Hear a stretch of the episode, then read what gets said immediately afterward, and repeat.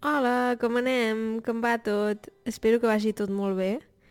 Ara fa unes setmanes vaig fer un vídeo sobre com aprendre un idioma, quines són les regles més importants i um, algú em va deixar un comentari al YouTube i em va dir ostres Laura, estaria molt bé si fessis aquest contingut també però en català o sigui, si parlessis d'aquest tema en català i vaig pensar, home, ja que tinc el podcast de català per què no fer un episodi sobre aquest tema? Sí, i sí, per això. Um, espero que estigueu tots molt bé. Uh, moltes gràcies als meus Patreons i als que em doneu suport a Ko-Fi. I si ja esteu a punt, som-hi.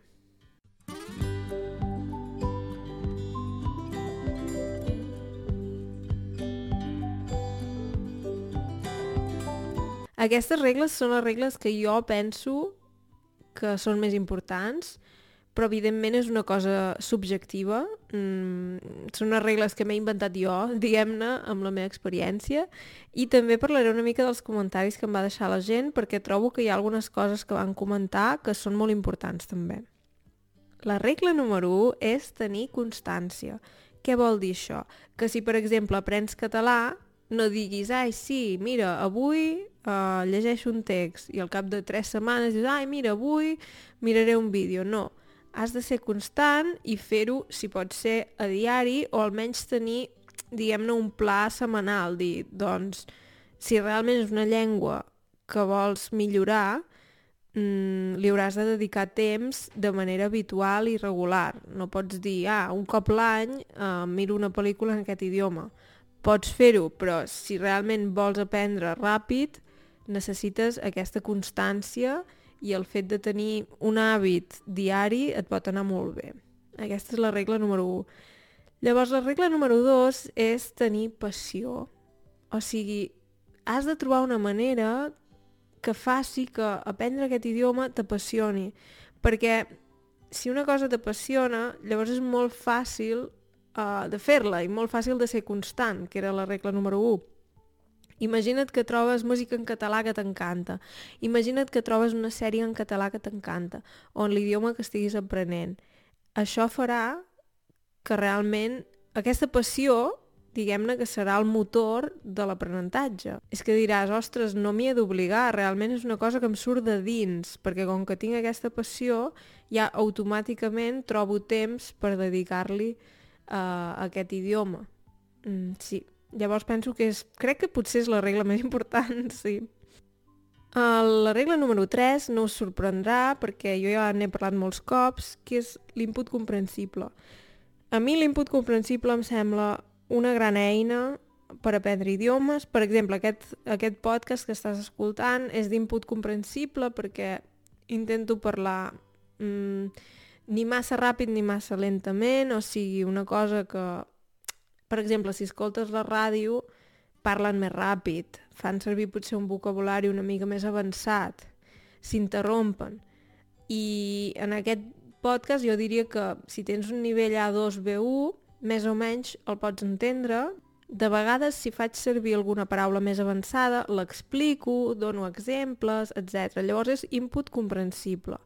Clar, un vídeo, eh, potser amb imatges i això, encara és més comprensible perquè si una cosa no l'entens per la paraula o el que sigui, uh, l'entens per la imatge o si hi ha subtítols pots llegir, pots llegir la traducció, llavors, clar, en aquest sentit, els vídeos que faig potser són encara més fàcils d'entendre, perquè també pots llegir i pots veure les imatges que hi ha a la pantalla, sí.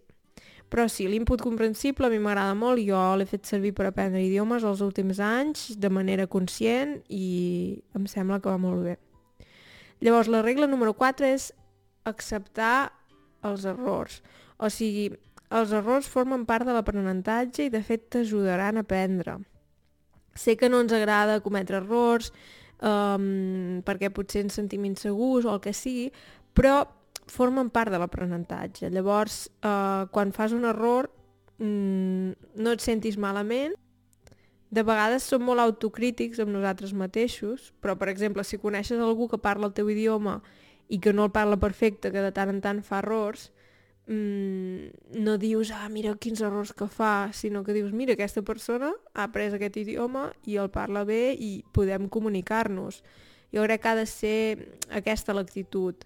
I, I sincerament, si per exemple ara aprens el català i ja, no sé, tens 30, 40, 50 anys, segurament faràs errors tota la vida. Potser en faràs menys, però vull dir que no arribaràs a parlar com algú que ha crescut amb aquesta llengua, vull dir que sempre hi haurà alguns errors.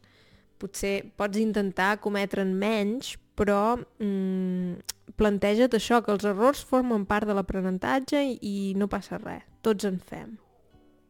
El número 5 és no comparar-te amb altra gent perquè no serveix per res.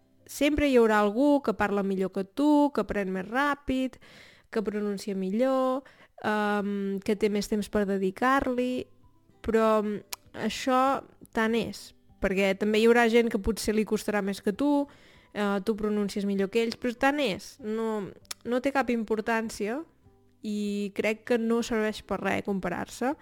Um, pots fer servir, si hi ha algú que dius, ostres, aquesta persona ha arribat a aquest nivell tan alt i l'admiro molt, perfecte. Pot servir d'inspiració i no passa res, però ha de ser una cosa així més sana. O sigui, no dir, ah, mira, aquesta altra gent parla molt millor que jo, jo mai parlaré tan bé i ja no, no hi dedico més temps. No, perquè tots tenim una situació diferent, uh, laboral, familiar, etc. I potser et compares amb algú que ja ha après molts idiomes i per aquesta persona doncs, és molt més fàcil i és així i no passa res. Llavors tu centra't amb tu mateix, amb els teus objectius i no et comparis amb altres. La regla número 6 és fer que l'aprenentatge sigui automàtic. Vaig parlar del tema dels temps morts i la veritat és que són dos temes que van bastant junts i és bàsicament dir, eh, per exemple, quan esmorzo escolto un podcast en català o quan rento els plats escolto un podcast en anglès o l'idioma que sigui. Llavors és automatitzar-ho i um, també això d'utilitzar els temps morts va molt bé, de dir, mira, ara tinc 10 minuts que, no sé, estic rentant els plats o estic endreçant o vaig a passejar, aprofito aquest temps mort, entre cometes, per escoltar un podcast, per exemple. Sí. I això crec que està molt bé automatitzar l'aprenentatge. Per exemple, també ho pots fer si canvies la llengua del telèfon.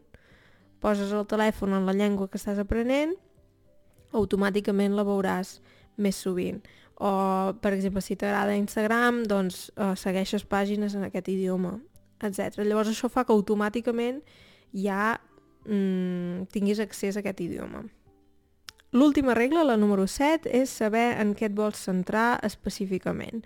Per exemple, si vols aprendre el català per escriure missatges amb amics, és molt diferent que si vols parlar amb la teva família o si vols estudiar a la universitat en català. Llavors, l'objectiu sempre serà una mica diferent i segons l'objectiu pots dir mira, doncs a mi m'interessa més centrar-me en això o centrar-me en allò. Um, és molt diferent. Jo, per exemple, una vegada vaig vaig estudiar per l'examen B2 de francès i el meu objectiu era molt clar, volia aprovar aquell examen. Un cop vaig aprovar l'examen, em vaig adonar que no parlava gaire el francès. I llavors el meu objectiu va canviar, vaig dir no, no, no, jo ara vull parlar millor. Llavors vaig buscar-me un tàndem i amb aquella persona anàvem parlant, parlant, parlant, llavors vaig començar a parlar en francès a, a la feina, etc. Vull dir que depèn molt de l'objectiu i segons quin sigui l'objectiu faràs una cosa o en faràs una altra. Perquè potser parles molt bé francès però no aprovaràs l'examen de B2, per exemple, perquè no t'has centrat en temes específics. Perquè potser parles molt bé el francès, però si el teu objectiu és aprovar un examen, si no et prepares específicament per l'examen, pot ser que no l'aprovis. Fins i tot si parles millor tu que una altra persona que s'ha preparat per l'examen específicament. Són temes així. Sí, uh, espero que t'hagi agradat uh, aquest episodi. Com que s'ha allargat una mica, ja no comentaré els comentaris, um, però si t'interessa pots anar a l'enllaç que et deixaré a la descripció i espero que estiguis molt bé i que ens veiem ben aviat.